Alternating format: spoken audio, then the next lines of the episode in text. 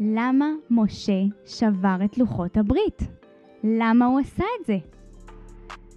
שלום לכם, אנחנו פה בפודקאסט של החוג למקרא ותרבות ישראל במכללת בית ברל.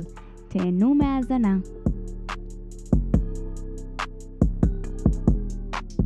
שלום, אני יוכי ברנדס מהחוג למקרא ותרבות ישראל במכללת בית ברל ואני רוצה בפודקאסט הזה שנקיים דיון על אה, שבירת הלוחות. אני בחרתי בשבירת הלוחות אה, משום שאני מאוד אוהבת בתרבות שלנו לחפש את הקריאות האחרות, את הדברים הלא קונבנציונליים, את המקומות שבהם מתסיסים אותנו, בועטים בנו, לא, לא ללכת רק על הדברים הנינוחים והנעימים ולהגיד איזה יופי והכל נהדר, אני מאוד מאמינה, מאוד מאמינה בהתססה כדרך להתחבר למקורות שלנו, ואני, ולכן אפשר לדבר על מתן תורה, וואו, איך משה נתן את התורה, ואפשר לדבר על הקטסטרופה שקרה אחר כך, ואני רוצה לדבר על הקטסטרופה שקרה אחר כך. אז אני אקרא את הטקסט של שבירת הלוחות, ואחרי זה אני אקרא פירוש קצרצר של ריש לקיש, שלפי דעתי הפירוש הזה זו אחת מפצצות האטום בתרבות שלנו, פשוט פצצת אטום. אז בואו נתחיל. ויפן וירד משה מן ההר ושני לוחות העדות בידו, לוחות כתובים משני אבריהם מזה ומזה הם כתובים. והלוחות מעשה אלוהים המה, והמכתב מכתב אלוהים הוא, חרוט על הלוחות. ויהי כאשר קרב אל המחנה, וירא את העגל ומחולות, ויחר אף משה, וישלח מידיו את הלוחות, וישבר אותם תחת ההר. גם על זה אפשר לדבר בלי סוף, איך הוא מעז, מה הוא עושה, איזה מין דבר זה, איזה התמודדות זאת. לוקח את כתב האלוהים ושובר אותו, מה, מה, הוא, מה, מה הוא חשב לעצמו, מה הוא רצה להשיג בזה, כל כך הרבה, כל כך הרבה דברים אפשר, אני רוצה שנדבר עליהם, ואני רוצה, אבל לפני שנתחיל בשיחה, ואני בטוחה שלכל אחד מאיתנו זה ממלא את הבטן, הטקסט הזה, אני רוצה לקרוא פרשנות בעיניי הכי חתרנית שנמצאת בתרבות שלנו. אמר ריש לקיש, כן, אחד מגדולי גדולי גדולי חז"לינו, פעמים שביטולה של תורה זו היא יסודה. זה פשוט, אה, קשה לי להסביר את זה מרוב שזה מטורף. לפעמים, כדי לבנות את התורה צריך להרוס אותה. לפעמים אתה בונה רק כשאתה הורס את התורה. אני, אני אפילו לא יכולה לדמיין למה הוא מתכוון, מה זה נקרא להרוס את התורה, אבל נחשוב על זה. אמר לו הקדוש ברוך הוא למשה, יישר כוחך ששברת. תודה רבה, משה, ששברת. טוב מאוד ששברת. דאמר מר, אמר חכם אחר, נטול שם, לוחות ושברי לוחות מונחים בארון, שזה בכלל מטריף אותי. מה לוחות ושברי לוחות? בארון הקודש שלנו לא רק לוחות הברית, אלא גם את השברים של הלוחות שנשברו. גם את השברים צריך וגם את הלוחות, מה הולך פה. אז אני... אה, אני רוצה לשמוע מה אתם אומרים. אני חושבת שאין לי אפילו שאלה ממוקדת, פשוט הטקסט הזה כולו הופך, הופך קרביים, ומה אתם חושבים על זה? טוב, ריש לקיש כאן לוקח את הרגע הזה, הרגע ההיסטורי המסוים הזה של שבירת הלוחות, והוא מעתיק אותו בעצם לאיזשהו עיקרון, הוא מניח כאן עיקרון בסיסי, כן? מן הסיפור הממוקד הוא הולך למשהו תיאורטי, אה, אה, עיקרון יסוד מכונן, ואני מנסה להרהר בדברים שלו, ביטולה של תורה זוהי יסודה. אה, מחשבה ראשונה, ראשונית בעניין, בהקשר הזה, הרי הכתוב מפליג בקדושתם של הלוחות. הלוחות... מפליג. מפליג. אלוהים כתב, ימינה, שמאלה, הוא כאילו, כל דרך הוא אומר לנו שהם קדושים. כדי כש, כשתגיע לכך שמשה שובר את הלוחות, אתה, אתה תהיה המום, אתה תהיה המום. אבל משה מבין שזה נדרש כדי לכונן משהו חדש אצל העם. הוא רואה אצל העם את העגל. הם עושים את העגל ומחולות, ומבין, ככה לא בונים יהדות. זאת לא תורה. אי אפשר, אה, אה, אי אפשר לכלכל, אי אפשר אה, לתת לוחות כשהעם שרוי במצב כזה. אתה צריך, התורה שיורדת מהשמיים צריכה איפשהו לפגוש את בני האדם. ואם בני האדם שרויים במצב כזה שהם סוגדים לעגל ומחולות, אז צריך לתת תורה חדשה. זאת מחשבה ראשונה. שהיא מחשבה חתרנית בטירוף, ואפשר, אפשר, אני, אני, יש לי הרבה מה לומר עליה, אבל אני רוצה לשמוע גם אה, אה, ערן, אחרים, מה... מה... טוב, קודם כל, זה, אני תכף אתחבר לדברים של עדיאל, כי הם דברים בעיניי ממש uh, חשובים, אבל זה זורק אותי דווקא לפסוק בתהילים, שאני חושב שהוא הרבה יותר רדיקלי מהפסוק של ריש לקיש. רשום שם, עת לעשות לאדוני יפרו תורתך. עכשיו, זה על אותו עיקרון של פסוק לדעתי, אם אני מתרגם אותו כפי שאני מבין אותו. לפעמים, כדי לקיים משהו, אתה צריך לפעמים להרוס אותו, או, או לעשות בדיוק מה שהוא לא אומר לעשות. אמ, ואני אישית חושב שיש פה, אה, ריש לקיש מעמיד פה באמת איזושהי אה, שבירת אידיאולוגיה, הייתי קורא לזה. כלומר, יש לך איזושהי אמונה במשהו, ולפעמים אתה פשוט צריך להתאים את זה לאנשים. וזה די מתחבר לדברים של עדיאל. בסוף אתה עוסק עם אנשים. ואתה חייב לפעמים לתת לה, לה, לתורה הזאת את השינוי, את השבירה, כדי, כדי להבין שבסוף יש איזושהי אוטופיה, אבל יש גם מציאות. ואתה צריך איפשהו בפער הזה להבין שהדברים שאתה רוצה, לפעמים, אה, קצת הלכה לי המילה, אבל אתה... יש איזשהו משהו שאתה אומר, טוב, אני רואה את המציאות, אני רוצה להשליט עליה את האידיאולוגיה שלי, המושלמת, את האוטופיה, אבל בעצם מה שקורה בפועל זה שהמציאות משנה את האוטופיה. לא האוטופיה משנה את המציאות. כאילו, יש איזה, איזה משחק כזה מעניין, ואני חושב שפה, יש פה איזו תורה שלמה, משמעותית, אני לא חושב שיש מישהו שמתווכח על זה, שבסוף יש פה איזה, אה, משה מוריד את התורה בעצם ושובר אותה, אני חושב שבמעשה הזה הוא אומר משהו הרבה יותר עמוק. כדי להשליט את התורה, או להשליט זו מילה קצת שלילית, אבל להטמיע אותה בעם, יש משהו במציאות שמשנה קצת את התורה, ואז פה, פה אנחנו נכנסים גם לתורה שבעל פה. כמה היא חתרנית כלפי התורה שבכתב, כאילו יש פה איזה שהם כיוונים מעניינים.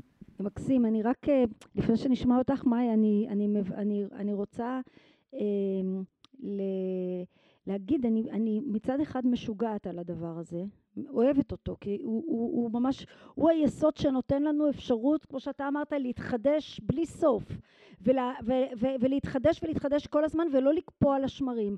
מצד שני, יש בו, אפילו אני, שאני כל כך אוהבת חתרנות וזעזועים, אני ממש מתה מפחד מהדבר הזה. הרי לא מדובר על... כמו שאתם אמרתם, משהו לא מתאים, אז מסבירים לאנשים, אז מתפתחים לאט לאט, אז uh, משנים כמה דברים אבל משאירים גם חלק, uh, אלא מדובר עולם ישן עדי היסוד נחריבה, זה ממש אנרכיזם, זה לשבור את הכל, והוא לא השאיר לנו חתיכה מהתורה, הוא לא השאיר לנו, וריש לקיש אומר ככה צריך לעשות, לפעמים לשבור את הכל. זה, זה, את, אתם כן לא השאיר, חוששים? יוכי, הוא אתם כן לא השאיר. חוששים מהאנרכיזם הזה? הוא השאיר, כי לוחות ושברי לוחות מונחים בארון. גם השברים מונחים בארון.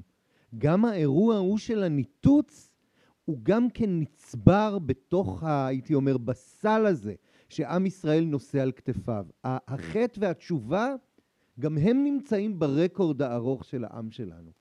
אתה יודע, ל- מצד אחד כן, מצד שני אני אומרת הפוך, אם אני כל כך חוששת מיותר מדי חתרנות ואנרכיזם, אז זה עוד יותר מזעזע אותי, כי זה נמצא בתוך ארון הקודש. מה זה אומר שזה נמצא בתוך ארון הקודש? זאת אומרת שכמעט כל דבר שאני אגיד ביהדות, יש לי גם את הצד השני. למה? כי הלוח ושברי לוחות.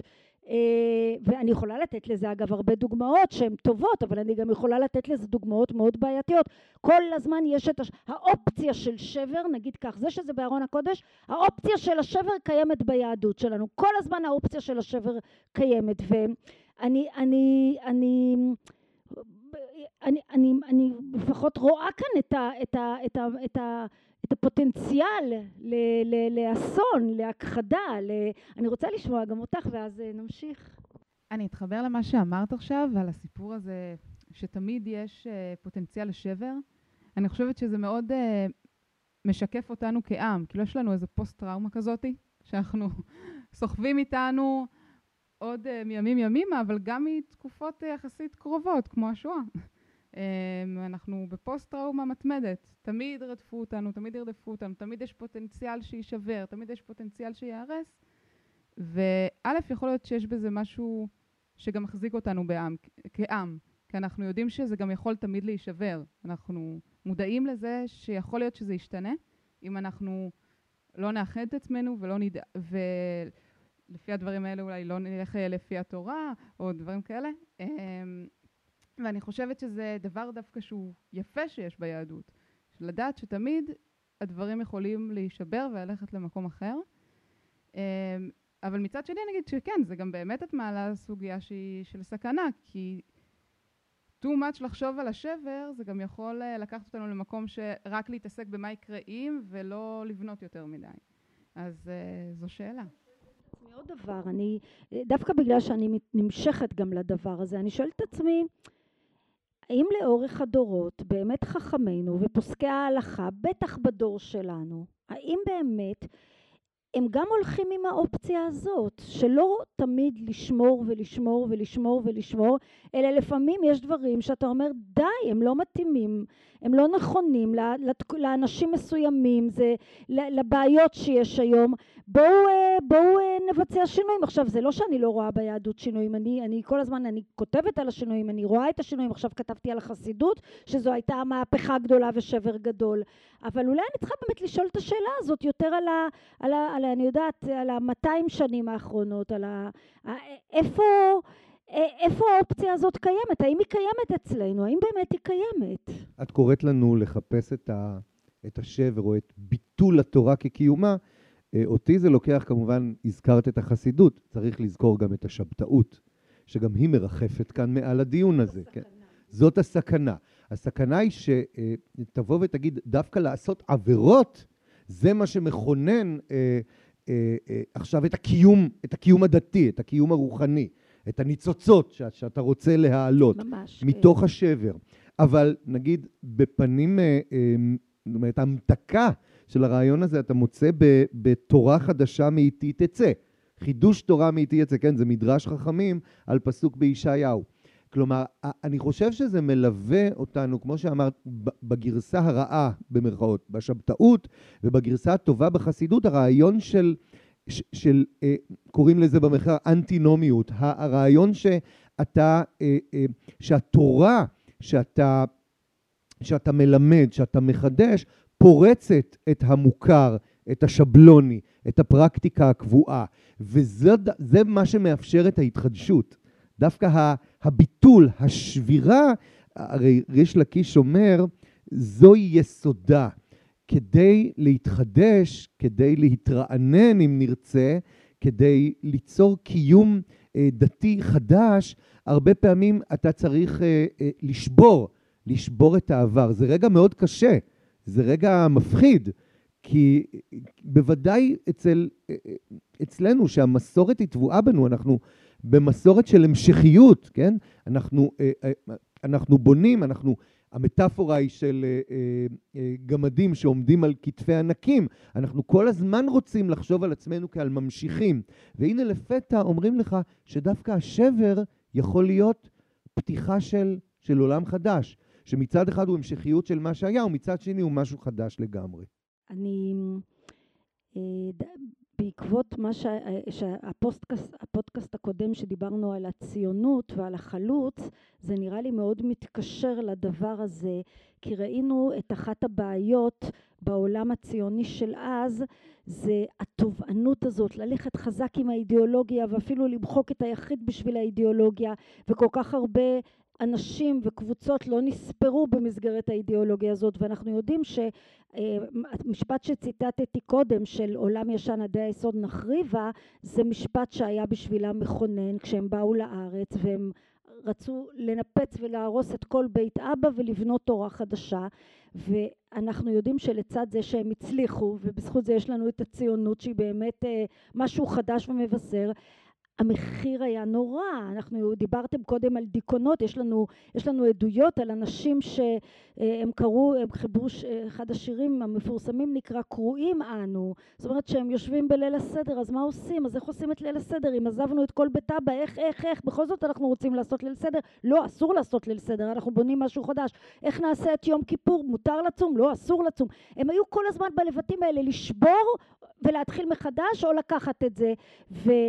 אמ, ויש לזה את היתרון, לשבר הזה היה יתרון, אבל זה גם היה, הייתה סכנה גדולה. ואני שוב חוזרת לריש לקיש, אם ככה, אני, אני לא, לא מזדהה עם השבר הטוטלי ואני לא מצליחה להבין, אני מבינה מה הוא רצה להביא לנו ליהדות, אבל אני לא מצליחה להבין מבחינה זו לא את משה רבנו ולא את ריש לקיש, למה הם היו צריכים לקחת את זה לכזאת קיצוניות? למה אי אפשר היה להגיד חתכתי חתיכה או הורדתי חלק? מה זה לשבור את הכל? אני באמת אה, עומדת מול שניהם ו... ומנס... ורואה את היתרונות אבל לא מצליחה להבין למה הם לקחו את זה למקום כל כך קיצוני. אתה רצית להגיד משהו ואז נבהלת. כן, לא, לא, לא נבהלתי, פשוט, אה, אה, אני פשוט לא רואה את מה שאת רואה. אני, אני לא רואה פה אה, קיצוניות. אני רואה פה באמת פשוט, זה כמו שאתה מגיע, אה, זה כמו שמ"פ אה, לוחמים יגיע למ"פ טירונים ויגיד, אין לי מה לעשות איתם. כאילו, הם עדיין לא למדו כלום. בואו בוא פשוט נשבור את כל תורות הלחימה ובואו נתחיל ללמוד אותם מאפס. כלומר, אני לא רואה פה קיצוניות, אני רואה פה, א', אכזבה גדולה, ו- ו- ואני חושב שאני מדברת על פרדיגמה מאוד קיצונית, הפרדיגמה של ברדיצ'בסקי, כן, של החילוניות הקיצונית, שרצתה לבוא ולהציב פה יהודי חדש. יש גם את הפרדיגמה של אחד העם שצריך לזכור אותה, כן? אך אחד העם ש... לא יגיד uh, לשבור, אני, אני חושב שאולי כן, אני חושב ש... בוא, בוא, צריך לשאול מה, מה השבת בשביל ביאליק ואחד העם. אולי השבת היא שבירה מוחלטת, אבל עם זיכרונות של דברים שבורים בתוך השבת. אני חושב שיש היום, אה, אה, אה, ראיתי אה, תנועה מאוד מעניינת, שומרי מסך במקום שומרי שבת. אנשים ש, שנמצאים בשבת ולא נוגעים במסכים. אני חושב שזה מתכתב עם ביאליק, יכול להיות שביאליק היה שמח או מחייך על הדבר הזה. אה, מה שרציתי להגיד בדבר הזה, שהפרדיגמה של, אה, של ברדיצ'בסי שאת מציגה פה, לפחות מדברייך, כפי שהם נשמעים, מהחלוציות, מהחלוציות הזאת, אני חושב שהיא באמת בעייתית, אני חושב שהיא באמת קיצונית, אה, לפחות היום, ומה שאני רואה פה זה דווקא הפרדיגמה של אחד העם, של העניין הזה שאתה שובר, שומר את שברי הלוחות, כי זה שברים בסוף, אין מה לעשות. אנחנו נשברנו, אנחנו רצינו פה ליצור משהו חדש, אנחנו חייבים קצת לשבור. אבל הם עדיין נמצאים אצלנו בארון, כן? יש בארון הספרים היהודיים היום הוא ארון מאוד רחב. ו- ואני קצת קשה לי פשוט עם ה... עם, אני לא רואה את זה ככה. סליחה, אבל אני מאוד מאוד אה, מסכימה גם עם הדרך הזאת, ולפי זה זה בעצם מה שגם עדיאל אמר, שאולי אה, אה, השברי לוחות, לוחות שמונחים בארון זה איזשהו התיקון, אולי התיקון למה שמשה רבינו עשה, שמשה רבינו כן שבר, ושבר וניפץ, אבל אז באו אחריו ואמרו גם השבר הזה אנחנו רוצים אותו ואנחנו לא נקבור אותו באדמה ולא נכחיד אותו אלא הוא תמיד יהיה האופציה הנוספת שיש לנו בתרבות שלנו. ואז אני כשאני רואה את זה כך על פי הדברים שאתם אמרתם אז זה באמת נותן לי פיוס עם הטקסט הזה יותר רוגע אני יותר מבינה גם את באמת את המקום המאוד אה, רגוע וטוב שיש בו ולא אמרנו מילה על שבירת הכלים וואו. המיתוס המכונן של הארי, כן. שבעצם זה מכונן את הבריאה. הש... העולם נולד מתוך השבר. ולא אמרנו מילה על זה שהקדוש ברוך הוא רוצה אנשים שבורים, כלים שבורים. דווקא בהם הוא מתעניין, כן? לב נשבר ונדכה, אלוהים לא תבזה. בקיצור, אני חושב שהשבר מלווה אותנו כיהודים. כן. אנחנו, כשהכול... כמו שאת אמרת על העניין של שאנחנו בטח בדור שלנו, שהשבר מלווה אותנו אחרי השואה, ו... כשהכול שלם ונוצץ, אנחנו מרגישים לא טוב. כן. השבר הוא חלק מהסיפור הלאומי שלנו. ואולי רק לסיים בזה שדיברנו קודם על הבעיה של הפודקאסטים שמציגים כל הזמן את העולם הנוצץ ואנשים עם התמונות שלהם או באינסטגרם, איך היום יש נטייה לאנשים להראות את הנוצץ והשלם, אז צריך להיזכר באמת גם במקומות הכל כך טובים של, גם, לה, גם השבר הוא חלק מהקיום ולא הכל שלם ונוצץ. אז אולי בעצם כשיש שבר גדול, כאן מתפתח החידוש האמיתי, הצמיחה מחדש, יכולה לקרות רק כשיש שבר גדול? האומנם? תודה שהאזנתם עלינו, וניפגש בפעם הבאה.